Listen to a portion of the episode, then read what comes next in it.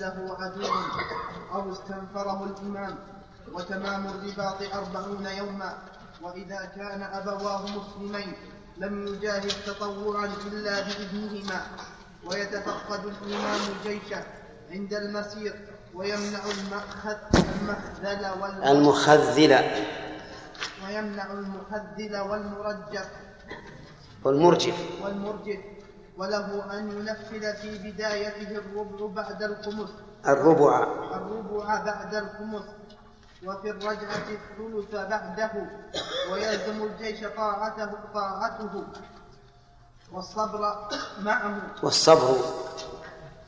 والصبر, والصبر معه. ولا يجوز الغزو إلا بإذنه. إلا أن يفجأهم العدو عدو يخافون كلبه. كلبه. كلبه. وتملك وتملك الغنيمة بالاستيلاء عليها في دار الحرب وهي لمن شهد الوقعة من أهل القتال.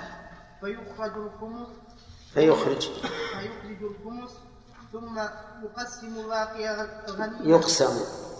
يقسم ثم يقسم. ثم يقسم باقي الغنيمة للراجل سهم وللفارس ثلاثة أسهم سهم له وسهمان لفرسه ويشارك الجيش سراياه فيما غنمت. غنمت. غنمت. ويشاركونه فيما غنم والغال من الغنيمة يحرق رحله. يحرق. يحرق رحله. رحله. رحله كله إلا السلاح والمصحف وما فيه روح. وإذا غنموا أرضا فتحوها بالسيف خير الإمام بين قسمها ووقفها على المسلمين ويضرب عليها يضرب. ويضرب عليها خراجا مستمرا يؤخذ ممن هي بيده. والمرجع في الخراج والجزية إلى اجتهاد الإمام ومن ومن عجز عن أمارة أرضه أجبر على إجارتها أو رفع يده عنها. ويجري فيها الميراث وما أخذ من مال أخذ. وما أخذ من مال مشرك كجزية وخراج وعشر وما تركوه فزعا وخمس خمس الغنيمة لا ففي ففيء. في مصالح المسلمين. أحسنت.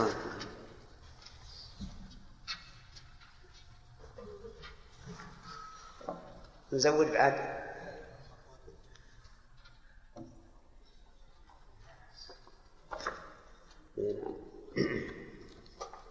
بسم الله الرحمن الرحيم. الحمد لله رب العالمين.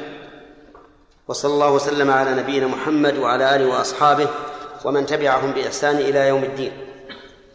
قال المؤلف رحمه الله تعالى كتاب الجهاد. الجهاد مصدر جاهد الرباعي وهو بذل الجهد في قتال العدو. هذا الجهاد. وينقسم الجهاد إلى ثلاثة أقسام. جهاد النفس وجهاد المنافقين وجهاد الكفار المبارزين المعاندين. أما الأول وهو جهاد النفس فهو إرغامها ومخالفتها في معصية الله أي إرغامها على طاعة الله ومخالفتها في في الدعوة إلى معصية الله. وهذا الجهاد يكون شاقا على الإنسان مشقة شديدة لا سيما إذا كان في بيئة فاسقة. فإن البيئة قد تعصف به حتى ينتهك حرمات الله وحتى يدع ما أوجب الله عليه. وقد روي عن النبي صلى الله عليه وعلى آله وسلم أنه حينما رجع من غزوة تبوك قال رجعنا من الجهاد الأكبر إلى الجهاد من الجهاد الأصغر إلى الجهاد الأكبر يعني جهاد النفس لكن هذا الحديث غير صحيح. أما النوع الثاني فهو جهاد المنافقين. وجهاد المنافقين يكون بالعلم لا بالسلاح لأن المنافقين لا يقاتلون. فإن النبي صلى الله عليه وعلى آله وسلم استؤذن أن يقتل المنافقون الذين علم نفاقهم. فقال لا. لا يتحدث الناس أن محمدا يقتل أصحابه. وهم لهم جهاد. قال الله تعالى يا أيها النبي جاهد الكفار والمنافقين ولكن جهادهم بالعلم. ولهذا يجب علينا أن نتسلح بالعلم أمام المنافقين الذين يريدون الشبهات على دين الله ليصدوا عن سبيل الله. فإذا لم يكن لدى الإنسان علم فإنه ربما تكثر الشبهات والشهوات والبدع ولا يستطيع أحد أن يردعه.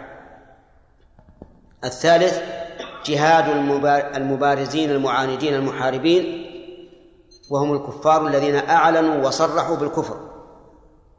وهذا يكون بماذا؟ يكون بالسلاح وقوله تعالى وأعدوا لهم ما استطعتم من قوة قد يقال إنه يشمل النوعين جهاد المنافقين بالعلم وجهاد الكفار بالسلاح. ولكن قول الرسول عليه الصلاة والسلام ألا إن القوة الرمي؟ يؤيد أن المراد بذلك السلاح المقاتلة. الجهاد يقول المؤلف فرض كفاية. وفرض الكفاية هو الذي إذا قام به من يكفي سقط عن الباقين وصار في حقهم سنة. وهذا حكمه أما مرتبته في الإسلام فقد سماه النبي صلى الله عليه وعلى آله وسلم ذروة سنام الإسلام.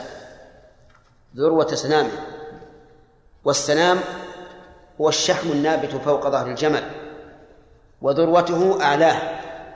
وإنما جعله النبي عليه الصلاة والسلام ذروة سنام الإسلام لأنه يعلو به الإسلام ويرتفع به الإسلام كما أن سنام البعير كان فوق مرتفعا فهو له مرتبة وله حكم. حكمه ومرتبته أنه ذروة سنام الإسلام. وقوله هو فرض كفاية لا بد له لا بد فيه من شرط وهو الكفاية. أي بأن يكون عند الإنسان أو عند المسلمين قدرة يستطيعون بها القتال. فإن لم يكن لديهم قدرة فإن إقحام أنفسهم بالقتال إلقاء بأنفسهم إلى التهلكة. ولهذا لم يوجب الله سبحانه وتعالى على المسلمين القتال وهم في مكة لأنهم عاجزون. ضعفاء.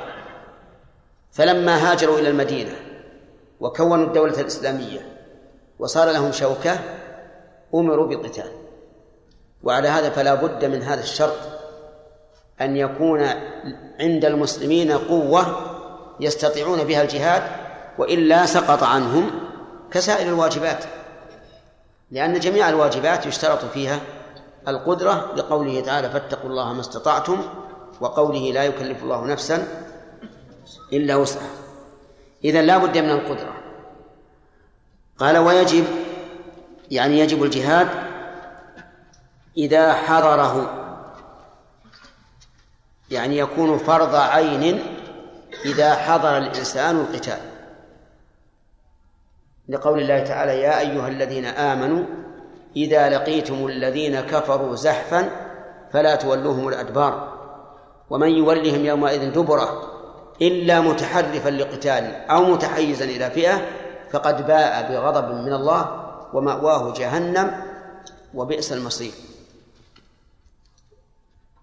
وقد أخبر النبي عليه الصلاة والسلام أن التولي يوم الزحف من الموبقات حيث قال اجتنبوا السبع الموبقات وذكر منها التولي يوم الزحف إلا أن الله تعالى استثنى حالين الأولى أن يكون متحرفا للقتال بمعنى أن يذهب لأجل أن يأتي بقوة أكثر والثاني أن يكون منحازا إلى فئة بحيث يذكر له أن فئة من المسلمين من الجانب الآخر تكاد تنهزم فيذهب من أجل أن يتحيز إليها تقوية لها. وهذا الأخير بشرط هذا الأخير يشترط فيه أن لا يخاف على الفئة التي هو فيها. فإن خاف على الفئة التي هو فيها فإنه لا يجوز أن يذهب إلى الفئة الأخرى. طيب إذن يكون في هذه الحال إذا حضر إيش؟ واجبا فرض عين لا يجوز عنه الإنصراف. الثاني إذا حصر بلده العدو إذا حصر بلده العدو يجب عليه القتال. دافعا عن البلد. وهذا يشبه من حضر الصف في القتال. لأن العدو إذا حصر البلد فلا بد من الدفاع إذ أن العدو سيمنع الخروج من هذا البلد وسيمنع الدخول إلى هذا البلد وسيمنع ما يأتي لهم من الأرزاق وغير وغير ذلك مما هو معروف. ففي هذا الحال يجب أن يقاتل أهل البلد دفاعا عن بلدهم. الثالث قال أو استنفره الإمام. استنفره أي قال انفروا. والإمام الإمام هو ولي الأمر الأعلى في الدولة. ولا يشترط أن يكون إماما عاما للمسلمين لأن الإمامة العامة انقرضت منذ أزمان متطاولة. والنبي عليه الصلاة والسلام قال اسمعوا وأطيعوا وإن تأمر عليكم عبد حبشي. فإذا تأمر إنسان على جهة ما صار بمنزلة الإمام العام وصار أمره نافذا وصار قوله نافذا وأمره مطاعا. وأنتم تعلمون أنه من عهد أمير المؤمنين عثمان بن عفان رضي الله عنه والأمة الإسلامية بدأت تتفرق.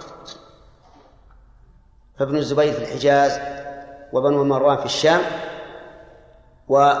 وبنو العباس المختار بن عبيد وغيرهم في في العراق.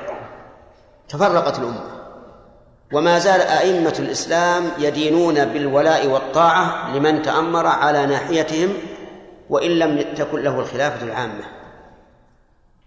وبهذا نعرف ضلال من ضلال ناشئة نشأت تقول إنه لا إمام للمسلمين اليوم فلا بيعة لأحد. نسأل الله العافية. وهؤلاء لا أدري هل يريدون أن تكون الأمور فوضى؟ ليس للناس قائد يقودهم. هل يريدون أن أن يقال كل إنسان أمير نفسه؟ هؤلاء إذا ماتوا من غير بيعة فإنهم يموتون ميتة جاهلية والعياذ بالله. لأن عمل المسلمين منذ أزمنة متطاولة. على أن من استولى على ناحية من من النواحي وصار له الكلمة العليا فيها فهو إمام. إمام فيها. وقد نص على ذلك العلماء مثل صاحب سبل السلام. وقال إن هذا لا يمكن الآن تحقيقه. وهذا هو الواقع. الآن في البلاد التي في ناحية واحدة تجدهم يجعلون انتخابات. ويحصل صراع على السلطة ويحصل رشاوى وبيع ذمم وإلى غير ذلك. فإذا كان البلد الواحد لا يعني لا يستطيعون أن أن يولوا عليهم واحدا إلا بمثل هذه الانتخابات المزيفة فكيف بالمسلمين عموما؟ هذا لا يمكن.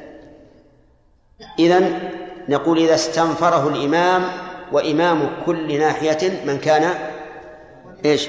واليا عليها الذي له السلطة العليا في هذه الناحية. إذا استنفره الإمام وجب عليه الخروج. لقول الله تعالى يا أيها الذين آمنوا ما لكم إذا قيل لكم انفروا في سبيل الله؟ إذ ثاقلتم إلى الأرض. أرضيتم بالحياة الدنيا من الآخرة؟ فما متاع الحياة الدنيا في الآخرة إلا قليل. إلا تنفروا. يعذبكم عذابا أليما ويستبدل قوما غيركم وقال النبي صلى الله عليه وسلم إذا استنفرتم فانفروا. ولأن هذا من أدلة سمعية أدلة عقلية دليل عقلي. لأن الناس لو تمردوا في هذه الحال على الإمام لحصل الخلل الكبير على على الإسلام.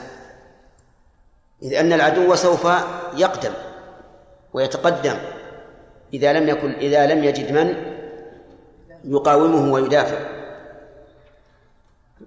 بقي مسألة رابعة أو صورة رابعة. إذا احتيج إليه إذا احتيج إليه صار فرض عين عليه. كيف يحتاج إليه؟ يعني مثل هذا الرجل عندما عندنا دبابات أو طائرات لا يعرف قيادتها إلا هذا الرجل. حينئذ يجب عليه أن أن يقاتل. لأن الناس محتاجون إليه. وهذا ربما نقول إن هذه الصورة الرابعة أو المسألة الرابعة تؤخذ من قولنا إنه فرض كفاية لأنه إذا لم يقم به أحد واحتيج إلى هذا الرجل فهذا هو فرض كفاية يكون فرض عين عليه. والحاصل أن الجهاد يجب في أربع مسائل. يجب وجوب عين في أربع مسائل. المسألة الأولى إذا حضر القتال والثاني إذا حصر بلده العدو والثالث إذا استنفره الإمام والرابع إذا احتيج إليه. وما عدا ذلك فهو فرض كفاية.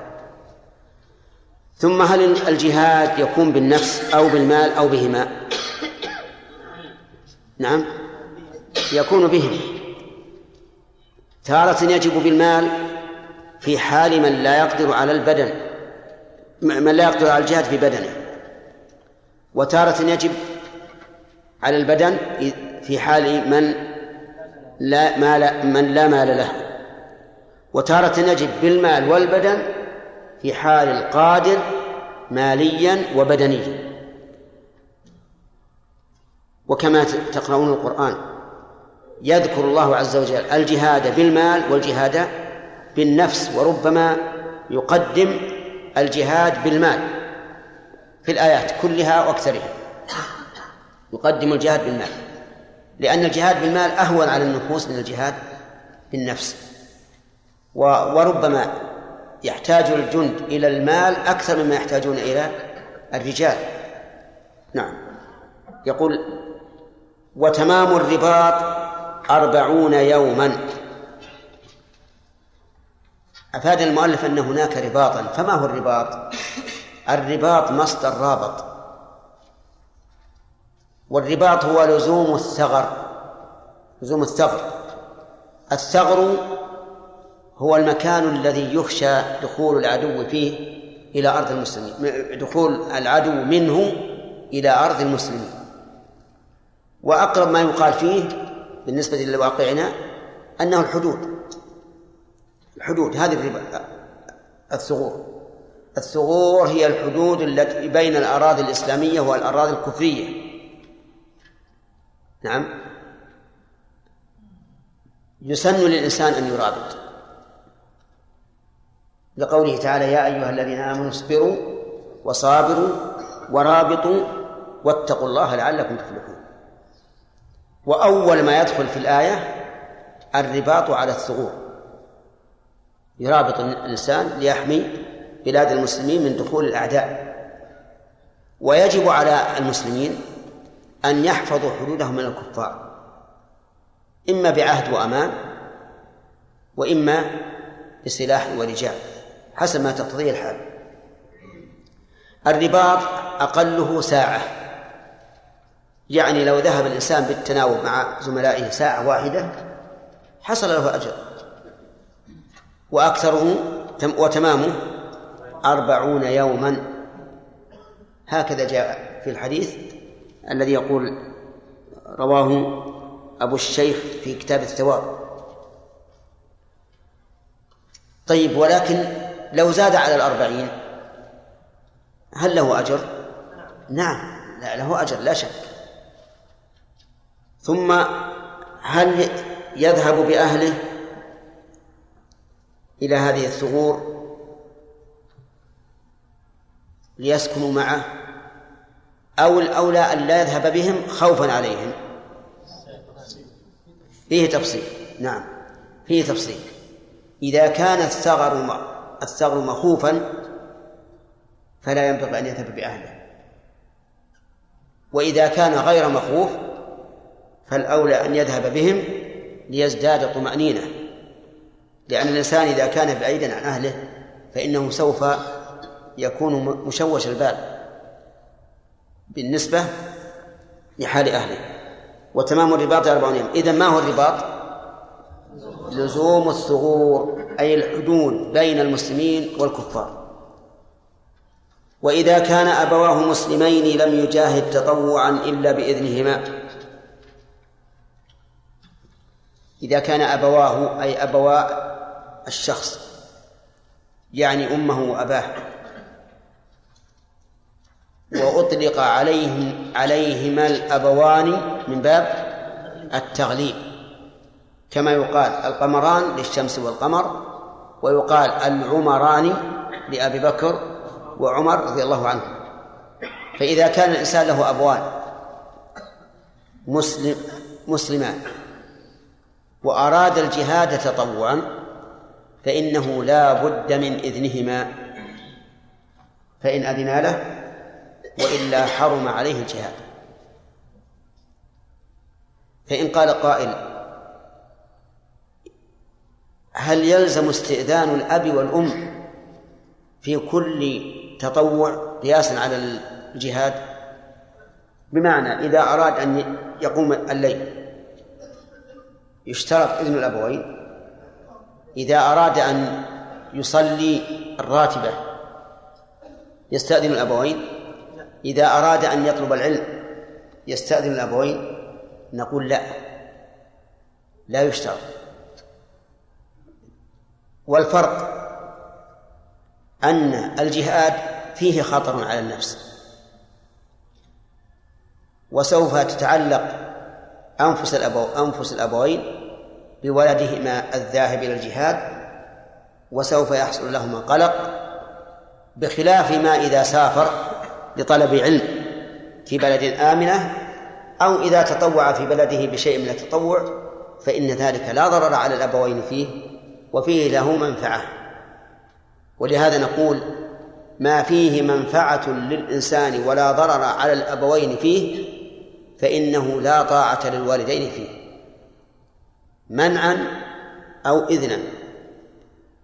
لماذا؟ لأنه ليس فيه ضرر وفيه مصلحة.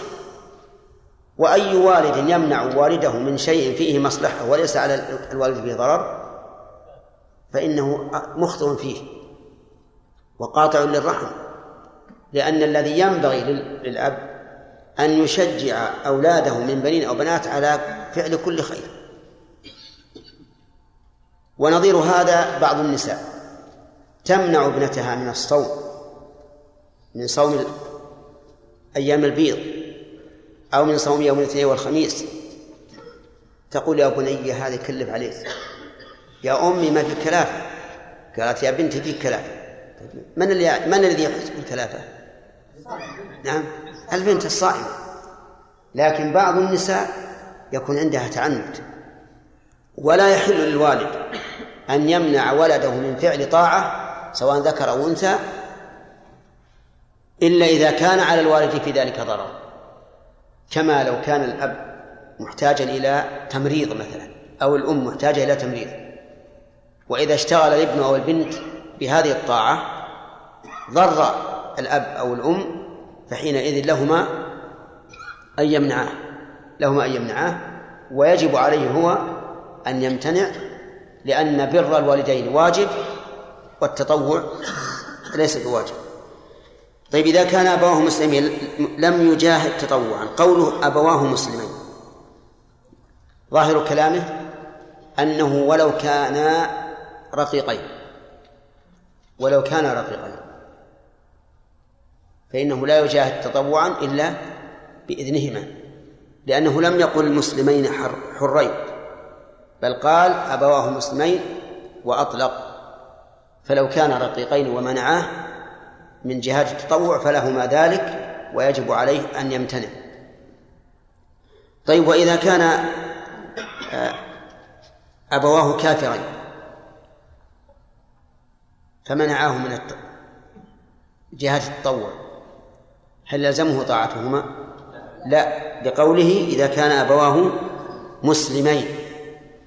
ولأننا نعلم أن الأبوين الكافرين إنما يمنعان ولده ولدهما من جهة الكفار لا رأفة بالولد ولكن وقاية للكفار من الجهاد طيب إذا كان الأبوان فاسقين يكرهان الجهاد ويكرهان الملتزمين ويكرهان أن تعلو كلمة الحق لكنهما مسلمين مسلمان. هل تشترط هل يشترط إذنهما في جهة التطوع؟ لأن بعض الناس في أيام الذهاب إلى جهاد أفغانستان يمنع ولده من الذهاب لا خوفا عليه. يقول اذهب لما شئت اذهب لأمريكا لفرنسا لندن اللي تبي لكن للجهاد لا تروح ونعلم أنه ليس أنه ليس ذلك من أجل الخوف عليه ولكن من أجل كراهة الجهاد.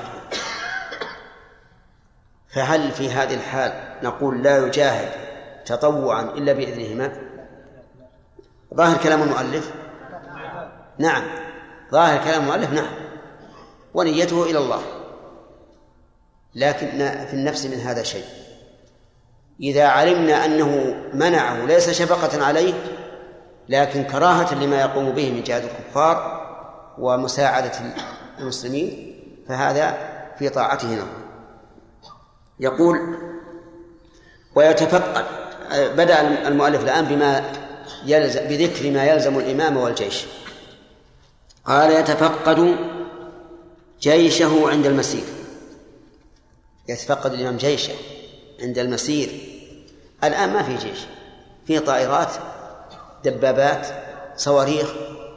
نقول إذا ذهب الجيش المكون من إبل وخيل فما ينوب منابه؟ مثله نقول للإمام تفقد. إما بنفسك إن كنت ذا خبرة أو بمن تثق به من ذوي الخبرة. يتفقد الجيش. وينظر الصالح. فيمضيه والفاسد فيمنعه حتى يكون صالحا واضح؟ لماذا؟ لأنه لو ترك وأهمل فربما يكون في السلاح أو في المجاهدين من تكون الهزيمة بسببه. لو ذهب المعركة بالسلاح ثم وجده غير صالح ماذا تكون النتيجة؟ يهزم. فلا بد أن يتفقد الجيش ويمنع المخذل والمرجف. ولو قال المؤلف ويمنع كل من لا يصلح للجهاد لكان أعم. من المخذل؟ المخذل الذي يزهد الناس في القتال. خذلهم ما له داعي. وش نجاهد ما دام من ذولا ما ما جاءوا إلينا نتركهم. ما له داعي. إذا قال ما له داعي وش يفت في في عضد؟ الجيش. ما في شك. أو المرجف الذي يهول قوة العدو. يهول القوة. أو يضعف قوة المسلمين. يقول مثلا والله السرية اللي ذهبت قبلنا هزمت وأكلت. نعم. وش يصير هذا؟ مرجف؟ مرجف.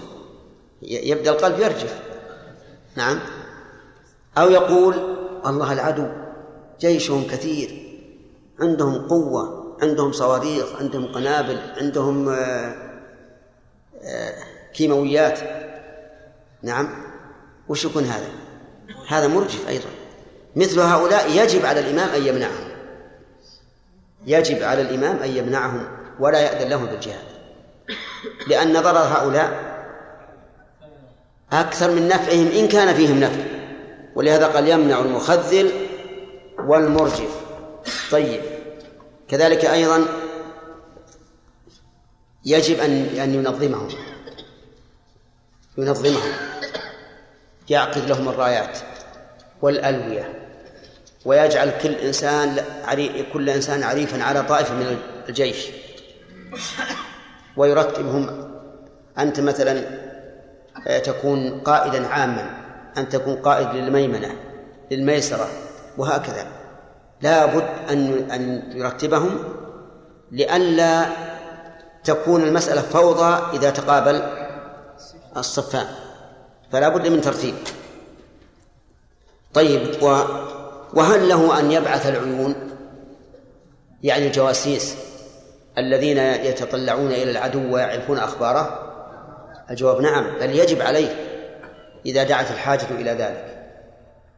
لأن هذا من جملة ما يستعين به على القتال. وله أي للإمام أن ينفل في بدايته الربع. نعم. بعد الخمس وفي الرجعة الثلث بعده. معنى ينفل أن الإمام يبعث سرية. إذا دخل أرض العدو بعث سرية يعني دون أربعمائة نفر يبعثهم يبدأون القتال. هؤلاء له أن يقول لكم الثل... آه، لكم بعد الخمس الثلث. لماذا؟ الربع قصد الربع. لأن هؤلاء لأن هذه السرية إذا ذهبت فإنها تذهب وهي أقل خوفا من السرية التي تبعث بعد رجوع الإمام. لأنهم يقولون الجيش خلفنا ردء لنا. فيقول اذهبوا وقاتلوا وما وما تغنمون نأخذ الخمس منه ولكم بعد ذلك الثلث. الربع خاصة لكم. ثم يقسم الباقي مع مع الجيش. كذلك أيضا له أن ننفل الثلث بعده. كيف الثلث بعده؟ يعني بعد الرجوع بعد انتهاء القتال. يبعث سرية ربما لتتفقد من بقي من العدو. ويجعل لها الثلث. ولماذا زاد على ذاك؟ لأنها أشد خوفا. فلذلك تعطى مقابل هذا هذا الخوف تعطى واحدا من اثني عشر. يعني تزاد على الأخرى واحدا من اثني عشر. لأن لأن الأولى لها ثلاثة من اثني عشر من اثني عشر وهذه لها أربعة من اثني عشر. ثم قال ويلزم الجيش طاعته. نعم. كان الجيش الذي أعد له تربيتهم الجهادية ضعيفة. نعم.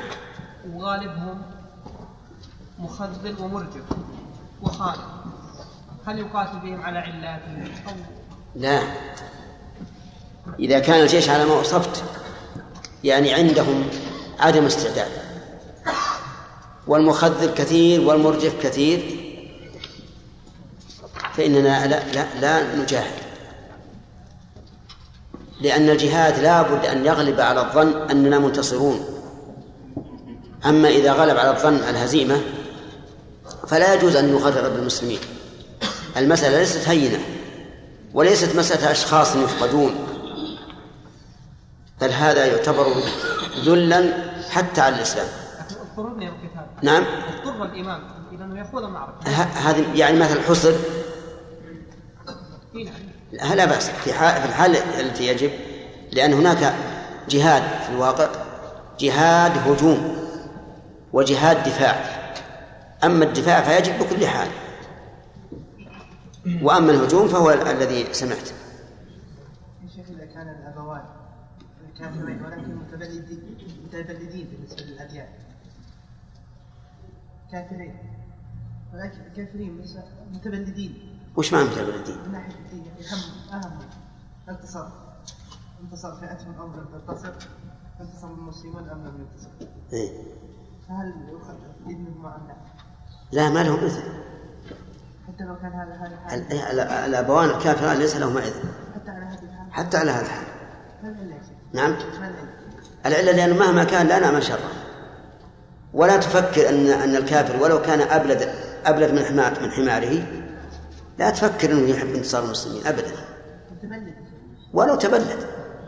أبدا مهما كان. أنا قلت لك لو كان أبلد من حمار.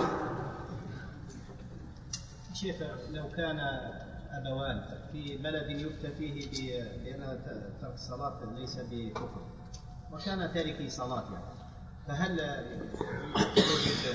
ابنه ابنه معه؟ علما بأنهما يكرهان الجهاد وهم إلى العلمانية أقرب. نعم. كما ذكرت في الأول ولم ترتب. فزيادة على ذلك لو كان تاركي صلاة. نعم. فهل يجب على الشاب إذا كان تاركي للصلاة تاركي صلاة وتعرف أنهما يكرهان الجهاد في سبيل الله فلا طاعة لهما. أي نعم لأن هذا يقوي هذا. حتى وإن كان في بلد لا يحكم علماؤه بكفر تارك الصلاة فإنه أدنى ما يقال أنه فسقة.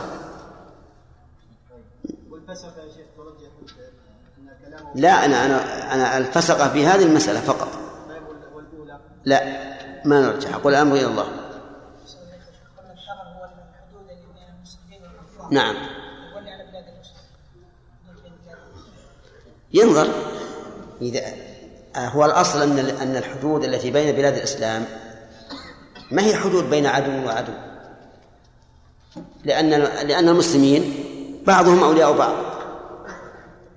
خصوصا المؤمنين منهم ولا عاد المسلم اللي, اللي مسلمان كما يقولون هذا الله أعلم حاله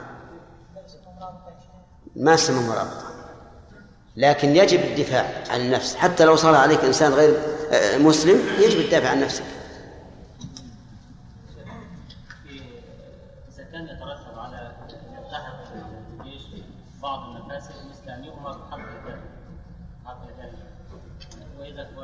يمس الحاجة إلى فهل؟ ما تقولون؟ يقول رجل الجيش في أمس الحاجة إليه ولكنهم لن يمكنوه إلا إذا حلق لحيته كذا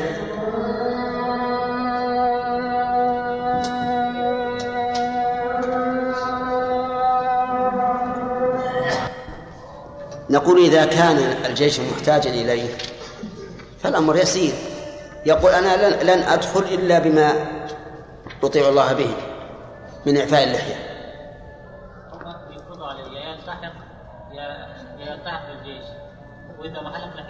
لا هذا لا كلامنا في إنسان يحتاج إليه الجيش.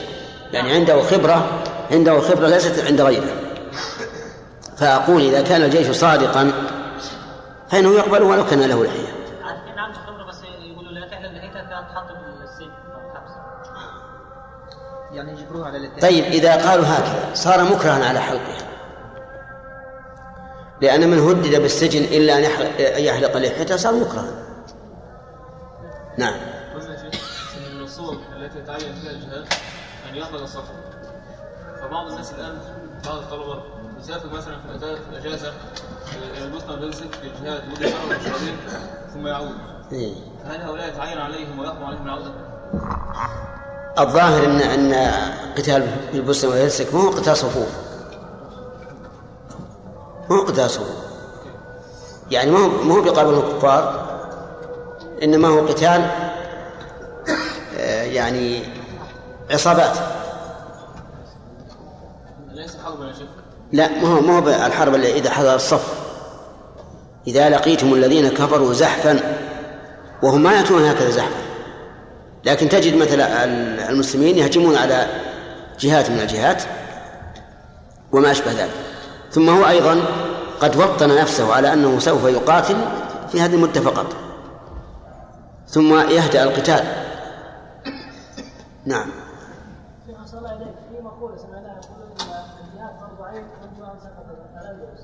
منذ إيش؟ لا غير صحيحة. هذا غير صحيح. ها؟ على كل القادة يعني ولاة الأمور عليهم الآن أن يجهزوا المسلمين بالسلاح الكافي. يجب عليهم. والمسلمون يجب عليهم يجاهدوا إذا توفرت الشروط. فلا بد من قوة. يعني نقول اذهب أنت قاتل ليس معك إلا إلا عصا الراعي أو سكين المطبخ. أمام أناس عندهم قنابل وعندهم دبابات ورشاشات. ما يمكن نقول هذا. إذا كان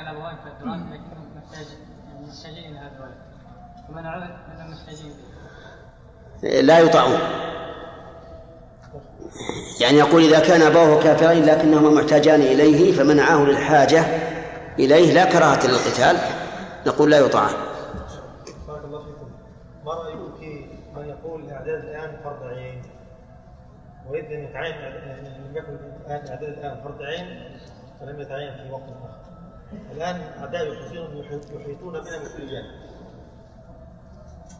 أصبحنا كما أمر النبي صلى الله عليه وسلم يعني يوشك ان تداعى عليكم كما تداعى الاكله إلى ساعتها قال قله نحن ومثاك رسول الله في ذاك قال بلى بل أنتم كثيرون ولكنكم غثاء كغثاء السيل إلى آخر الحديث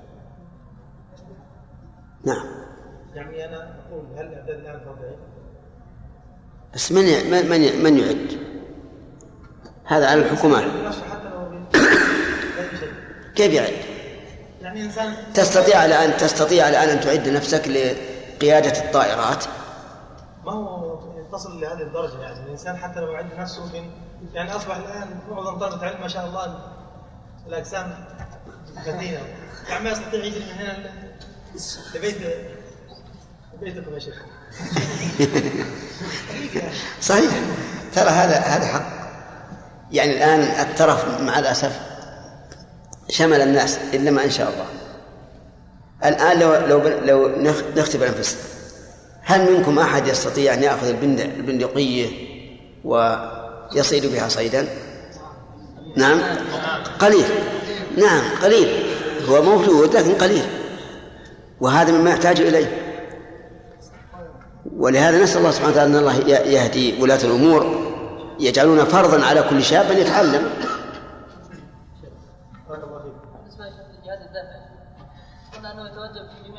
نعم.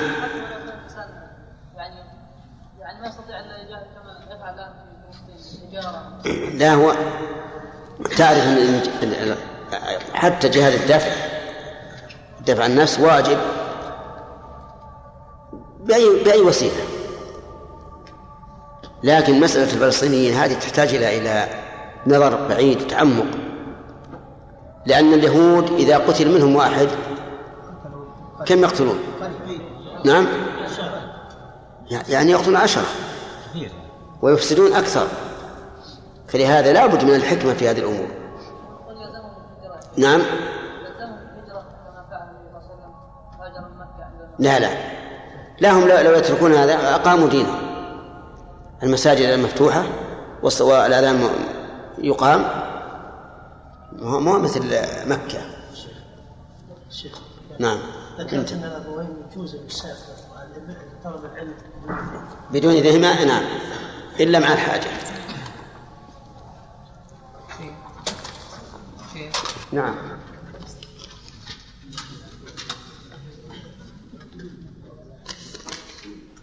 أم خالد بسم الله الرحمن الرحيم. عن والدها. هل يقتل حر بعبد؟ والجواب نعم على القول الصحيح. لو صلى رجل العشاء وأراد أن أن يؤخر راتبتها إلى ما قبل منتصف الليل أو قبل أن ينام مع الوتر الساعة 11 ليلة فهل يصح؟ الجواب نعم يصح من خفف من شعره وحلق ما على ما على ما على العلبات قفا الرأس هل يجوز ذلك؟ العلبات ليست من الرأس فلا تدخل في القزع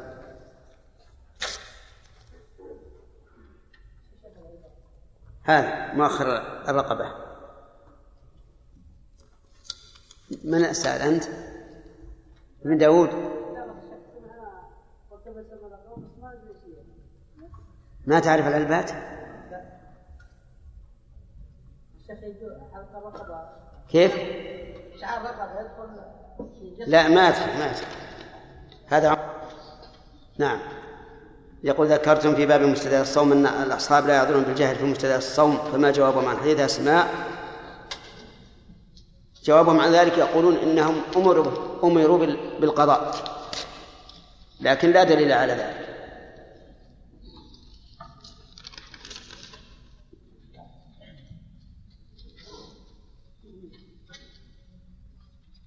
يسأل جابر سليمان.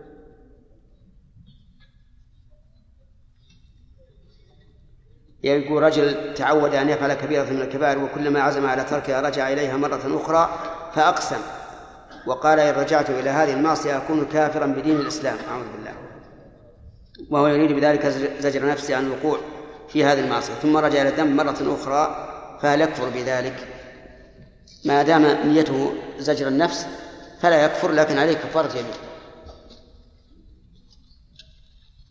ولا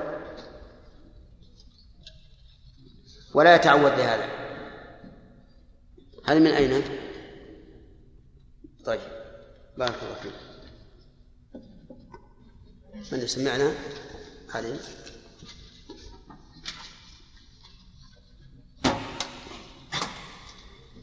بسم الله الرحمن الرحيم. قال رحمه الله تعالى في كتاب الجهاد ويلزم الجيش طاعته والصبر معه ولا يجوز الغزو إلا بإذنه. إلا أن يفجأهم عدو يخافون كلبه وتملك الغنيمة بالاستيلاء عليها في دار الحرب وهي لمن شهد الوقعة من أهل القتال. لمن؟ وهي لمن شهد.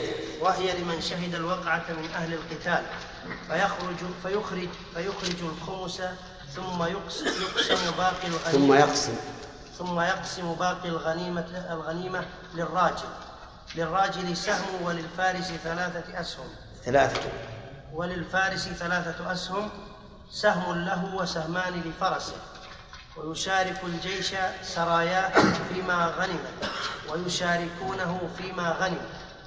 والغال من الغنيمة يحرق رحله كله إلا السلاح والمصحف وما فيه روح. بس بسم الله الرحمن الرحيم الحمد لله رب العالمين وصلى الله وسلم على نبينا محمد وعلى اله واصحابه اجمعين عرف الجهاد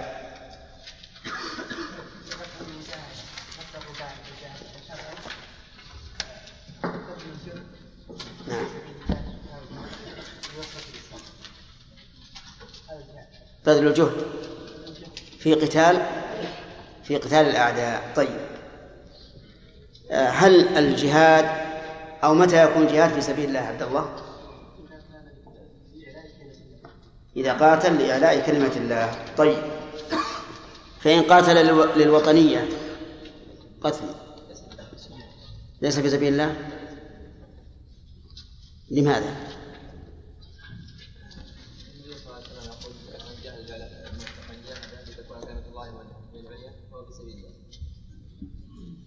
وهذا قاتل وطنيا طيب لو قال أنا وطني وطن الإسلام فأقاتل عنه لأحمي حوزة الإسلام في هذا الوطن. فهو في سبيل الله. طيب. المكتوب عليه من القفاء جملة اعتراضية. طيب. آه، حكم الجهاد. من داود فرض كفاية. وما معنى فرض كفاية؟ إذا قام يعني إذا قام سقط عن نعم. ومتى يكون واجبا؟ يكون واجبا في أربع حالات. نعم. الحالة الأولى. الحال الأولى. الحال الأولى. نعم. إذا هذه فائدة نعطيكها. الحال مذكرة لفظا مؤنثة معنى. فهمت؟ الحال مذكرة لفظا مؤنثة معنى أي أنك تقول الحال الأولى ولا تقول الحالة الأولى و- ولا تقول أيضا الحال الأول لأنها مذكرة لفظا مؤنثة معنى طيب الحال الأولى نعم. إذا حضر القتال إذا حضر القتال ما دليلها؟ دليلها قوله تعالى يا أيها الذين آمنوا إذا لقيتم الذين كفروا زحفا فلا تولوهم الأدبار. نعم. ومن ومن يولهم يومئذ دبره إلا متحرفا لقتال أو متحيزا إلى فئة فقد باء بغضب من الله ومأواه جهنم وبئس المصير. طيب. ومن السنة؟ ومن السنة آه، قول النبي صلى الله عليه وسلم آه، من السبع الموبقات نعم. ومنها التولي يوم الزحف. أحسنت. وذكر منها التولي يوم الزحف. الحالة الثانية كمال إذا احتيج إليه شيء. إذا احتيج إليه. نعم كان يكون مثلا من ممن يعرف في تشغيل السلاح كالطائرة والدبابة ولا- يكون سلاح ما يعرف إلا هو. لا يوجد غيره. نعم. فهنا يجب عليه. وهذا ودليله يؤخذ من قولنا فرض كفاية. نعم. فإذا فعله البعض سقط عليه. وفرض الكفاية. وهنا لم يفعله البعض إلا هو فيكون واجبا عليه. أحسنت. عرفتم هذه؟ إذا إذا احتيج إليه بمعنى أنه يختص بشيء لا لا يقوم به غيره فهنا يجب عليه وهو واضح لأن فرض الكفاية صار الآن فرض عين عليه لأنه لا يوجد غيره. الحالة الثالثة. إذا استنفر إذا استنفر إذا استنفره الإمام. ما الدليل؟ يا أيها الذين أطيعوا الله غير هذه هذه عامة. درزاق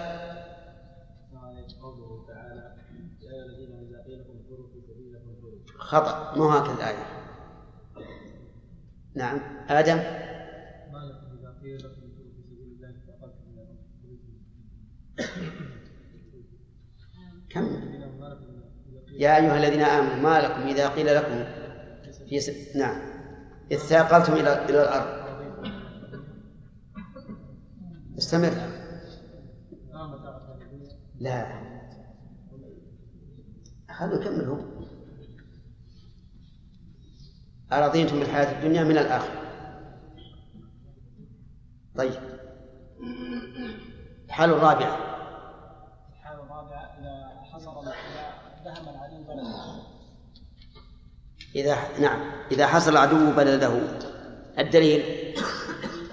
من قوله من قولها فرض فرض الكفاية لأنه لأنه إذا حصره العدو فإنه يكون بمثابة من كان في الصف. نعم. فإذا كان في الصف يلزمه. ولوجوب الدفاع عن عن النفس. طيب.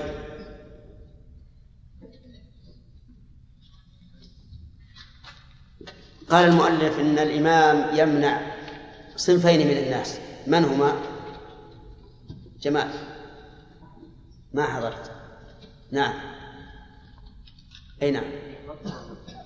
المخذل والمرجف ما الفرق بينهما الفضل هو الذي يزاحف في الجهاد والمرجف الذي يعني يزهد في الجهاد وما له داعي في من من أو في من يقوم مقامنا وما أشبه ذلك. والمرجف.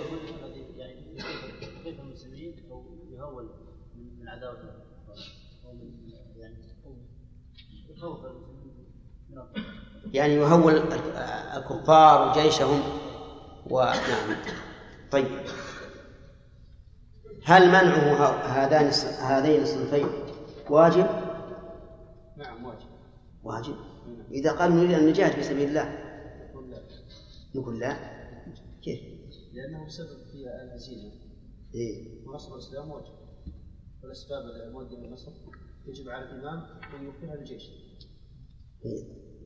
إذا نقول يجب عليه درءا للمفسدة. التي تحصل منه.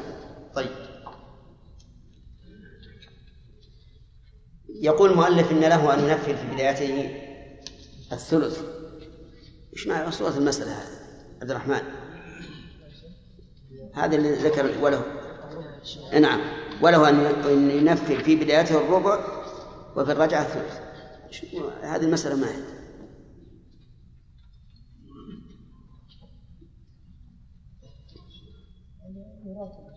ها؟ لا. ينفر السلامة. إذا بعث سرية قبل الجيش فإنه ينفذهم الربع. قبل بدء القتال. فيعطيهم. يعطيهم الربع نعم. والثانية فبعد ذهاب الجيش تعود سرية في موقع المعركة. نعم. فينفذهم الثلث بعد لماذا؟ ما الفرق بين الأولى والثانية؟ الثانية أكثر خوفا وخطرا من الأولى. طيب. وهل هذا التنفيذ واجب يا محجوب؟ هل هذا التنفيذ واجب أو سنة؟ أو جائز؟ كونه ينفذ الربع في البداية والثلث في الرجعة هل هو واجب عليه؟ أو سنة؟ أو مباح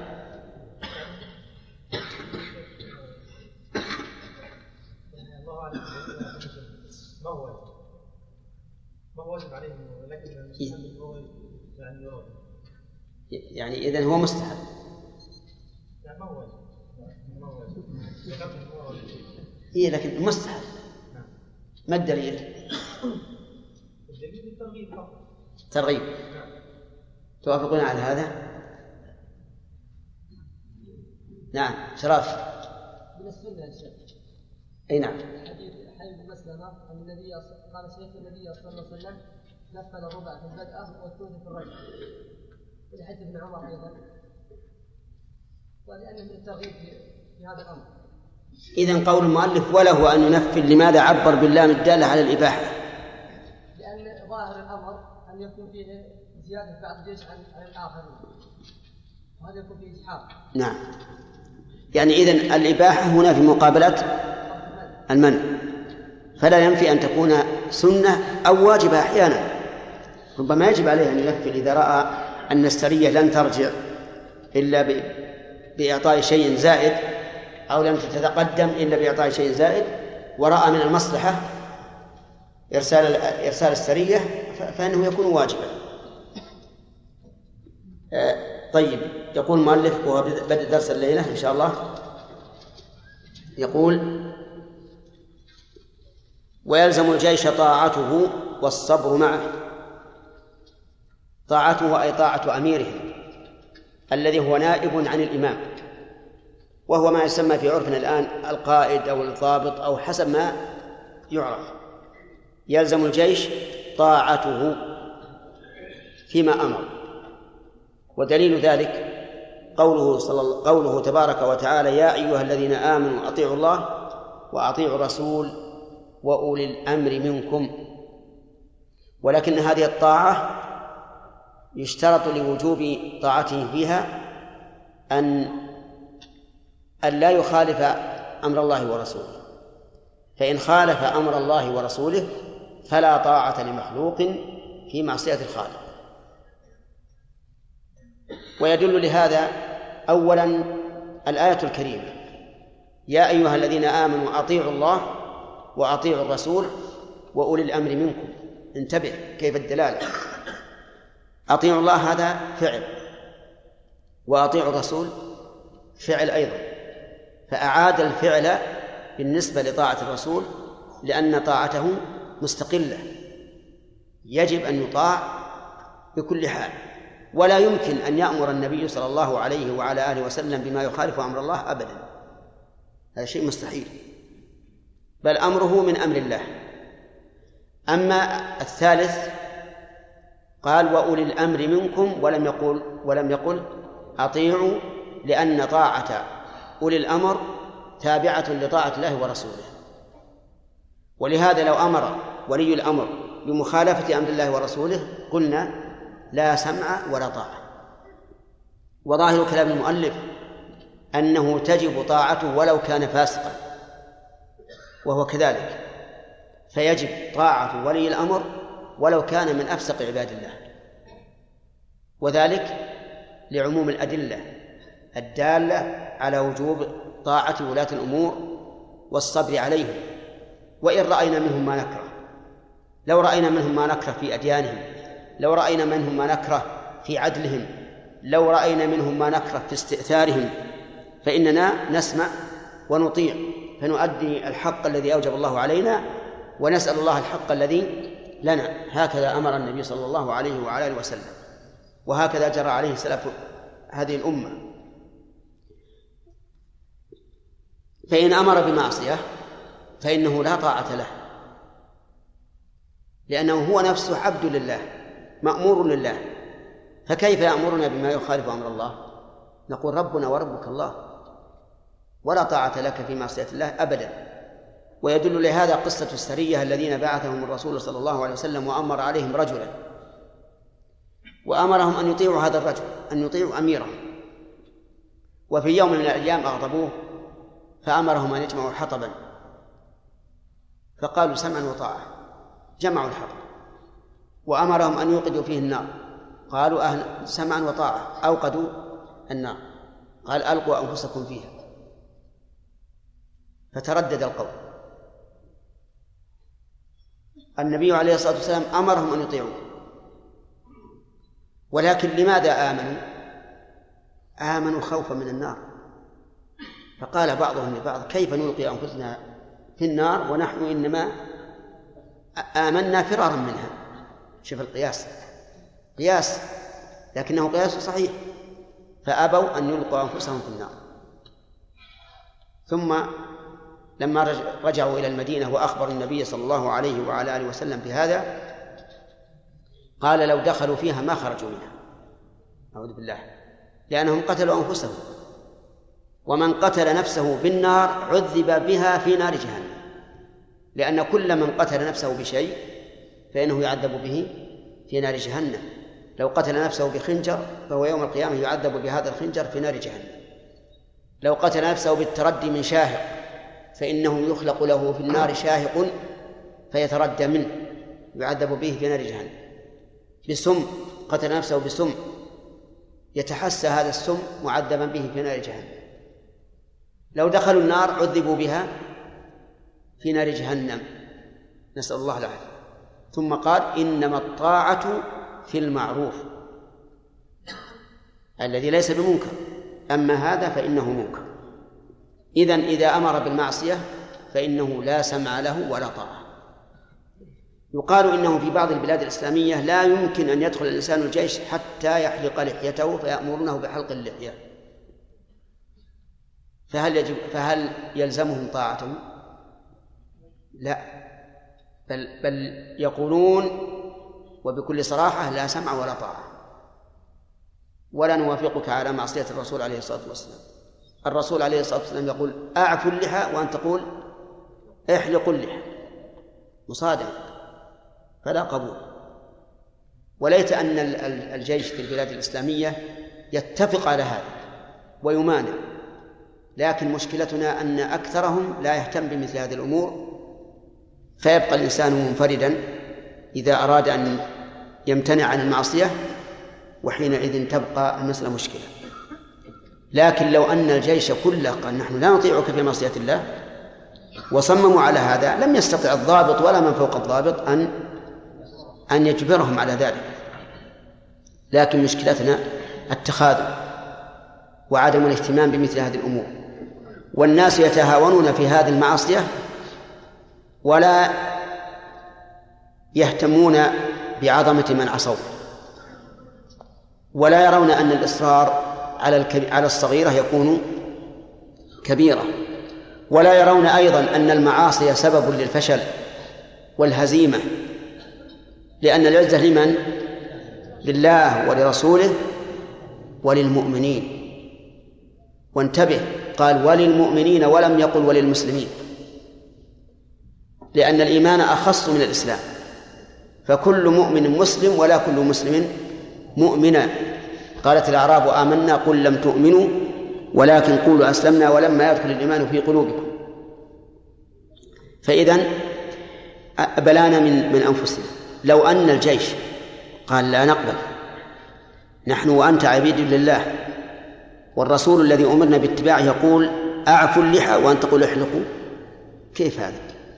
ما لا, لا سمع ولا طاعة. ثم نقول أيضا المعصية سبب للهزيمة. ولا أدل على ذلك من جيش هزم بمعصية مع أنه أفضل جيش مشى على الأرض من خلق آدم إلى قيام الساعة. وهم الصحابة وقائدهم محمد رسول الله صلى الله عليه وعلى آله وسلم في غزوة أحد.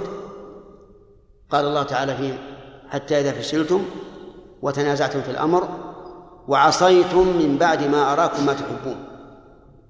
يرحمك الله. يعني حصل كذا وكذا حصل هزيمة بسبب هذه المعصية. وهي معصية واحدة. على أنها معصية كان فيها نوع من التأويل. ما هو النوع من التأويل؟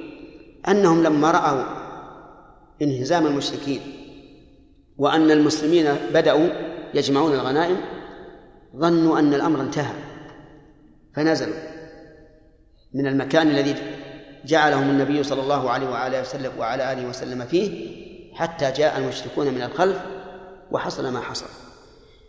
طيب إذا يلزم الجيش طاعته بشرط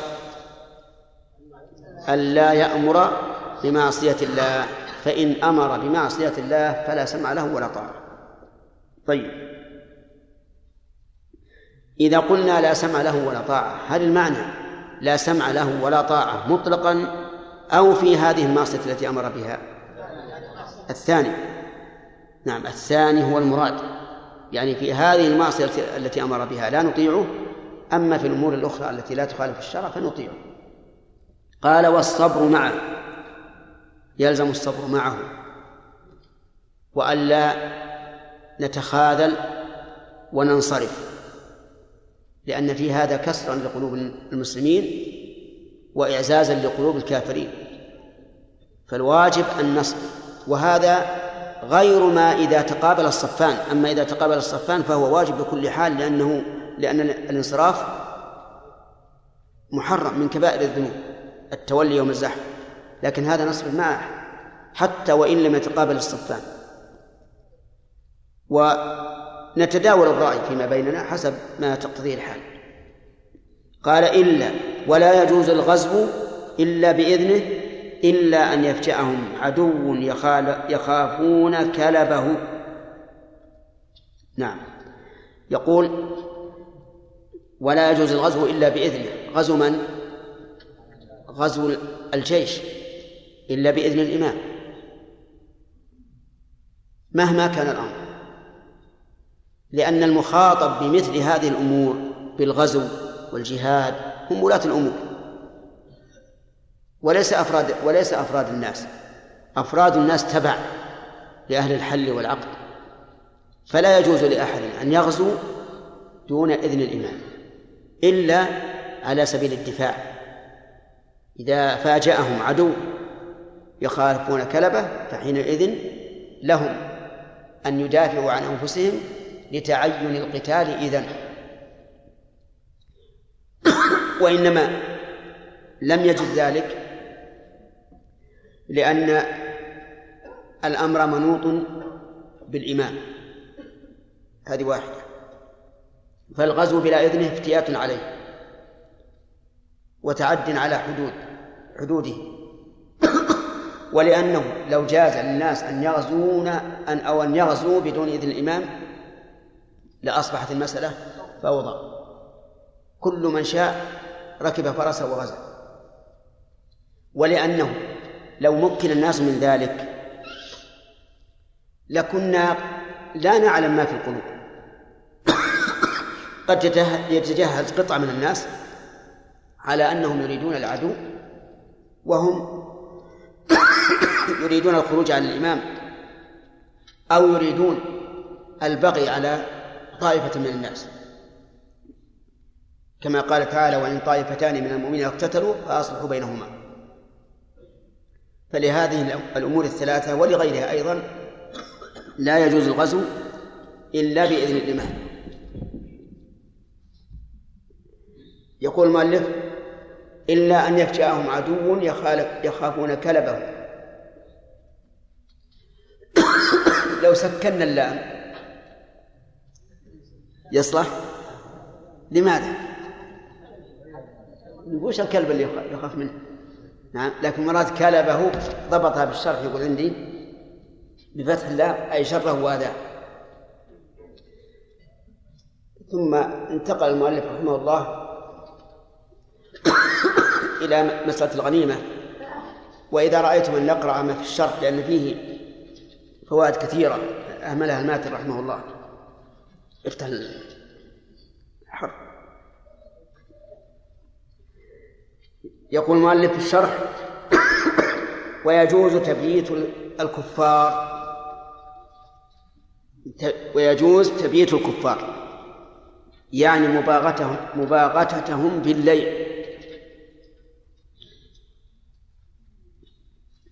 ولكن هذا مشروط بأن يقدم الدعوة لهم. فإذا دعاهم ولم يستجيبوا فإنه لا بأس. أن يباغتهم ويدعوهم إلى أمور ثلاثة. الأمر الأول الإسلام.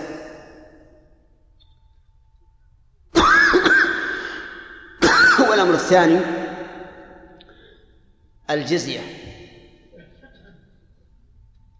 فإن أبوا فالقتال. هكذا كان النبي عليه الصلاة والسلام يبعث البعوث على هذا على هذا الأساس.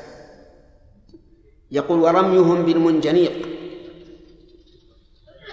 المنجنيق عندنا بمنزلة المدفع.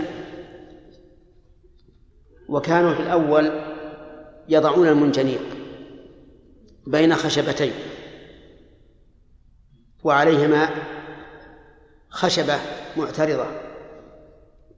وفيها حبال قوية ثم يجعل الحجر على كبر الرأس أو نحوه في شيء مقبب في هذا السلك ثم يأتي الرجال الأقوياء ويومون به ثم يطلقونه إذا انطلق الحجر ينطلق بعيدا فكانوا يستعملونه في الحروب. فيجوز أن أن يرمى الكفار بالمنجنيق وفي الوقت الحاضر ما في منجنيق لكن في منجنيق في في الطائرات والمدافع وغيرها. نعم؟ والصواريخ. نعم. يقول ولو قتل بلا قصد صبي ونحوه معلوم أن إذا رميناهم بالمنجنيق فإنه سوف يتلف من مر عليه. من مقاتل وشيخ كبير لا يقاتل وامرأة وصبي لكن هذا لم يكن قصدا. وإذا لم يكن قصدا فلا بأس. أما تعمد قصد الصبيان والنساء ومن لا يقاتل فإن هذا حرام ولا يحل. لكن ما يثبت تبعا ما لا يثبت استقلالا. وقد رمى النبي صلى الله عليه وسلم أهل الطائف بالمنجنيق فالسنة جاءت به والقتال قد يحتاج إليه. قال ولا يجوز قتل صبي ولا امرأة وخنثى وراهب وشيخ ثان وزمن وأعمى لا رأي لهم ولم يقاتلوا أو يحرروا. هذا هؤلاء سبعة أجناس. صبي امرأة خنثى راهب شيخ ثاني زمن أعمى. هؤلاء لا يجوز قتلهم إلا إذا كان لهم رأي وتدبير فإن بعض الكبار الشيوخ ولو كان الشيخ فانيا لا يستطيع أن يتحرك يكون عنده من الرأي والتدبير ما ليس عند الشاب المقاتل. الشرط الثاني آه، لم يقاتلوا. فإن قاتلوا كما لو اشترك النساء في القتال فإنهن يقتل. والثالث أو يحرضوا فإن حرضوا على القتال. حرضوا من؟ حرضوا رجال المقاتلين على القتال وصاروا يغرونهم. افعلوا اضربوا كذا اذهب مع هاك مع هذا إلى آخره فإنهم يقتلون. لأن لهم تاثيرا في القتال. فصار هؤلاء الأصناف السبعة لا يقتل لا يجوز قصد قتلهم إلا بواحد من أمور ثلاثة.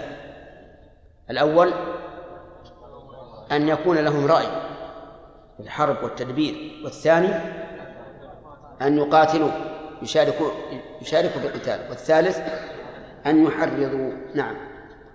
قال ويكونون أرقاء بسبي يكونون أي هؤلاء السبعة أرقاء بسبي البل السببية أي بمجرد السبي يعني بمجرد أخذهم يكونون أرقاء ولا يخير فيهم الإمام. الإمام لا يخير فيه. يكونون أرقاء في الحال. وإذا كانوا أرقاء صاروا تبع الغنيمة لأنهم صاروا مماليك. فإذا كانوا مماليك صاروا كجملة المال الآخر يضافون إلى الغنيمة. وأما إذا سبي البالغ المقاتل فإن الإمام يخير فيه بين أمور ثلاثة إما القتل وإما أخذ الفداء وإما الاسترقاق وإما المنع. بدون شيء. والفداء قد يكون بمال أو منفعة أو أسير مسلم. معلوم هذا ولا لا؟ يعني مثلا لو أننا أسرنا أحد المقاتلين. نأتي به للإمام. الإمام إن شاء قتله. هذه واحد وإن شاء من عليه مجانا. يقول اذهب. اذهب إلى أهلك. وإن شاء استرقه يعني جعله رقيقا. وإن شاء طلب الفدية منه. إما مال إما مالا وإما منفعة وإما بأسير مسلم. وهذه التخييرات الأربع هل هي حسب اختيار الإمام أو حسب المصلحة؟ حسب المصلحة لأن القاعدة الشرعية أن كل من يتصرف لغيره انتبهوا للقاعدة هذه مفيدة أن كل من يتصرف لغيره إذا خير بين شيئين فإن تخييره للمصلحة وليس للتشهي أما ما من لا يتصرف لغيره فإذا خير بين شيئين فهو للتشهي إن شاء هكذا وإن شاء هكذا. ولهذا نقول في كفارة اليمين. يخير بين إطعام وكسوة وعتق رقبة ينظر للمصلحة ولا يفعل ما شاء؟ يفعل ما شاء. لأن هذا التخيير للإرفاق بالمكلف فيختار ما يشاء. قال المؤلف رحمه الله تعالى و وتملك الباقي ما هو وتملك الغنيمة بالاستيلاء بالاستيلاء عليها في دار الحرب. تملك الغنيمة بالاستيلاء عليها في دار الحرب. يعني أنه إذا قاتل المسلمون أعداءهم وهزم الأعداء واستولوا على واستولى المسلمون على على المال فإن المال يكون ملكا للمسلمين ولو كانوا في دار الحرب. إيش معنى في دار الحرب؟ أي في ديار الكفار. مثلا بيننا وبين الكفار حد فقاتلناهم ودخلنا عليهم أرضا وهربوا وتركوا الأموال. فإننا نملك الأموال ولو كانت في دار الحرب ولا يلزم أن نحوزها إلى بلاد الإسلام. هذا معنى قول المؤلف في دار الحرب. يعني لا يشترط أن نحوزها إلى ديار الإسلام بل مجرد بل مجرد الاستيلاء تكون ملكا لنا طيب وإذا كانت ملكا فهل يجوز أن تقسم هناك؟ الجواب نعم يجوز أن تقسم هناك لأن ما ما ما دامت ملكت فلا حرج من قسمتها ويعطى كل إنسان ما يناله منها وينصرف به يمينا وشمالا. لكن إن خيف هنا من شر. إن خيف من شر فللإمام أن يقول لا نقسمها إلا في بلاد الإسلام. قال وهي أي أي الغنيمة لمن شهد الوقعة من أهل القتال. نعم. هي لمن شهد الوقعة من أهل القتال وهم الرجال الذين يقاتلون. فمن شهد منهم فإنه يقسم له. وأما من جاء بعد انتهاء الحرب فإنه لا شيء له منها. وكذلك من انصرف قبل بدء الحرب فإنه ليس له منها شيء وإنما هي لمن حضر الوقعة من أهل القتال. استدل المؤلف بالشرح بقول عمر رضي الله عنه الغنيمة لمن شهد الوقعة. الغنيمة لمن شهد الوقت وأما من لم يشهدها فإنه لا حظ له فيها. نعم. نعم. ها أحسنت. آه، أنا يفوتني بعض الكلمات لأني أح- أحسب الناس مثلي. الزمن الذي لا يستطيع الحركة يعني الأشل نعم نعم جواز الاستعانة بالكافر أو نصيب؟ جوزنا إيش؟ أقول على قول إذا أجزنا الاستعانة بالكافر أو يكون له نصيب من من الغنيمة يا شيخ. لا ما يكون ليس له نصيب. لكنه يعطى حسب رأي الإمام.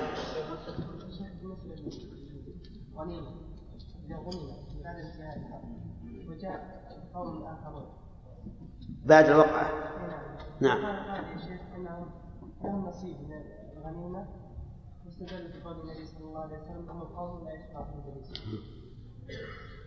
يقول آه، لو أن أحدا أعطى الذين أتوا بعد انتهاء الوقعة وقال واستدل بقول النبي صلى الله عليه وعلى آله وسلم هم القوم لا يشقى بهم جليس جليسهم قلنا هذا أفق واسع لو استدلنا بمثل على هذه المسألة بمثل هذا الحديث لتوسعنا توسعا عظيما يا عقيل ولكن حتى نتنزل معك هل هذا هل هذا جليس لهم؟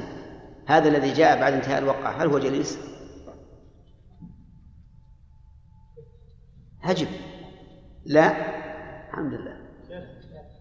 نعم يا سليم. يا يا جاء حرب ناس ينتمون للاسلام على ناس ينتمون للاسلام وش تصير هاتان طائفتان باغيتان.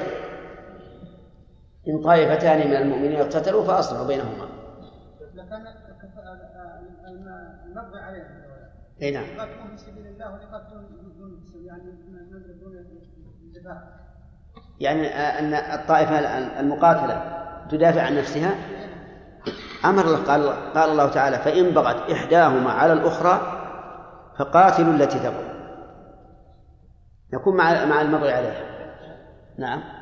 بارك الله فيكم. قلتم من قبل أن حلق اللحية إذا كان بال- بالقوة يعني إذا كان يعني يصيب يصيب هذا الإنسان مرض فيجوز مكان من قبل قلتم ذلك واليوم يعني نرى رأي.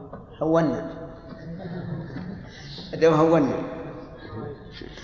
أقول بارك الله فيك. فرق بين إنسان يكره ويقال تعال احلق لحيتك و... استمع استمع.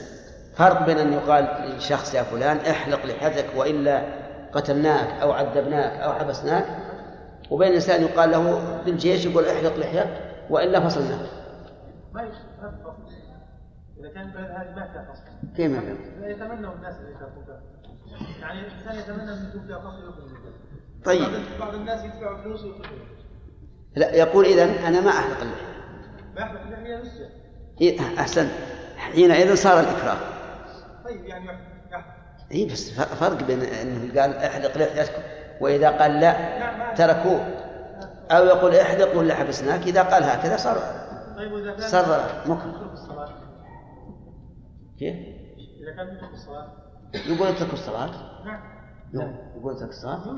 ما يوجد. لا يا شيخ لا. هذا حلم هذا. لا لا لا. مو أحيانا لا لا يا شيخ. بعضهم يده على فرض. أنا أنا إن شاء الله انقل انقل على على على شيء وقت منه 100% غير صحيح. أحيانا يأتي بالصلاه وقت الصلاة يقول إيه. يصلي إيه. يقول قف مكانك أنت يعني يعني يعني أوامر حسب الاوامر يعني هو يريد أن يلحق جماعة الصلاة يقول لا بعدين.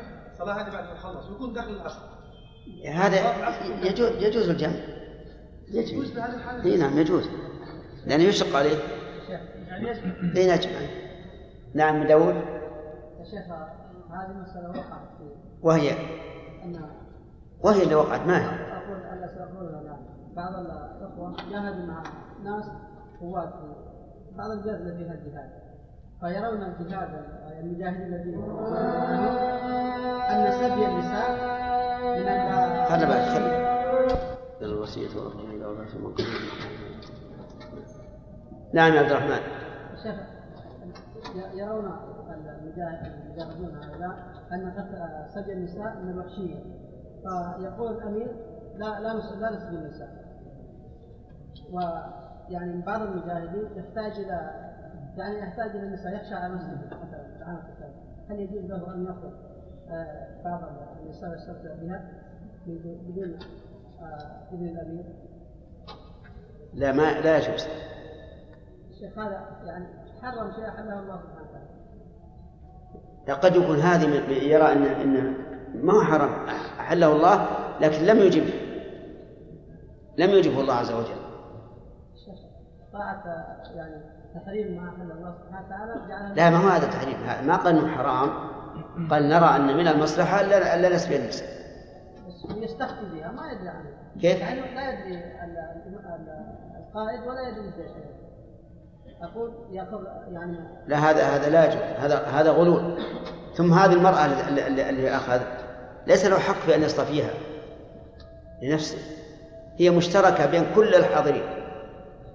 فيكون معناه جامع فرجا لا يحل له. حتى لو فرض انه جاز هل يمكن لأحد ان ان أن يستمتع بامرأة قبل أن تكون من سهمه؟ ما يجوز لكن إذا كان ما يقصد. لا يجوز. نعم. بعض الدول التي تكون بينها وبين الدول الكافرة حدود هذه الدولة الإسلامية التي تقيم شرع الله عز وجل. وبعض الموظفين في سنة الحدود ينوي أو يعمل في في حدود دولة كافرة هل يسمى مرافقا؟ يعني يعني الحدود بينه وبين الدولة الكافرة مع أن هذه الدولة لا تبالي في هذا يعني الأمور الشرعية. ما فهمت هذا يعني مثلا الحدود بيننا بين المسلمين وبين دولة حربية. حربية. لا. لا. هو الأصل الأصل بارك الله فيك أن اللي بينه وبينهم عهد. الوفاء بالعهد. والله عز وجل يقول إما تخافن من قوم خيانة فانبذ إليهم على سواء. إيه لابد أن الرباط بين حدود المسلمين والكفار. دولة حربية. لأن اللي بينه وبينهم عهد. ما نخاف منهم لكن إن خفنا منهم صار صار المراد. نعم. مثلا لو في معركة بين المسلمين وال- والكفار لا أثناء المعركة يعني قتل عدد كبير من جيش المسلمين. هل الجيش الب- الباقي من المسلمين يرجع؟ يرجع مثلا عن الحرب؟ ينظر ينظر المصلحة إذا كان الجيش ال- الذي قابلهم أكثر من مثليهم فلا بأس. يعني لو فرض الجيش العدو عشرة آلاف وجيش المسلمين ألفين فلا حرج. لأن الله لأن الله أباح لنا أن أن نفر من مثلين من أكثر من مثلين. في الفرار إذا كان أكثر من مثلين يشترط في ذلك الإمام معلومة ويجب على الإمام إذا رأى أن البقاء هل- هلكة يجب عليه أن يأمرهم بالإصرار لكن على كل حال إذا أمكن أن يحرزهم على في جبل أو ما أشبه ذلك كما يذكر عن عن عمر رضي الله عنه أنه كان يخطب الناس يوم الجمعة فسمعوه يقول الجبل يا سارية فتعجب الناس كيف الجبل يا سارية فلما انتهى من الصلاة قال إن سارية بن زنين كان قد أحاط به المشركون فكنت أوجهه أقول له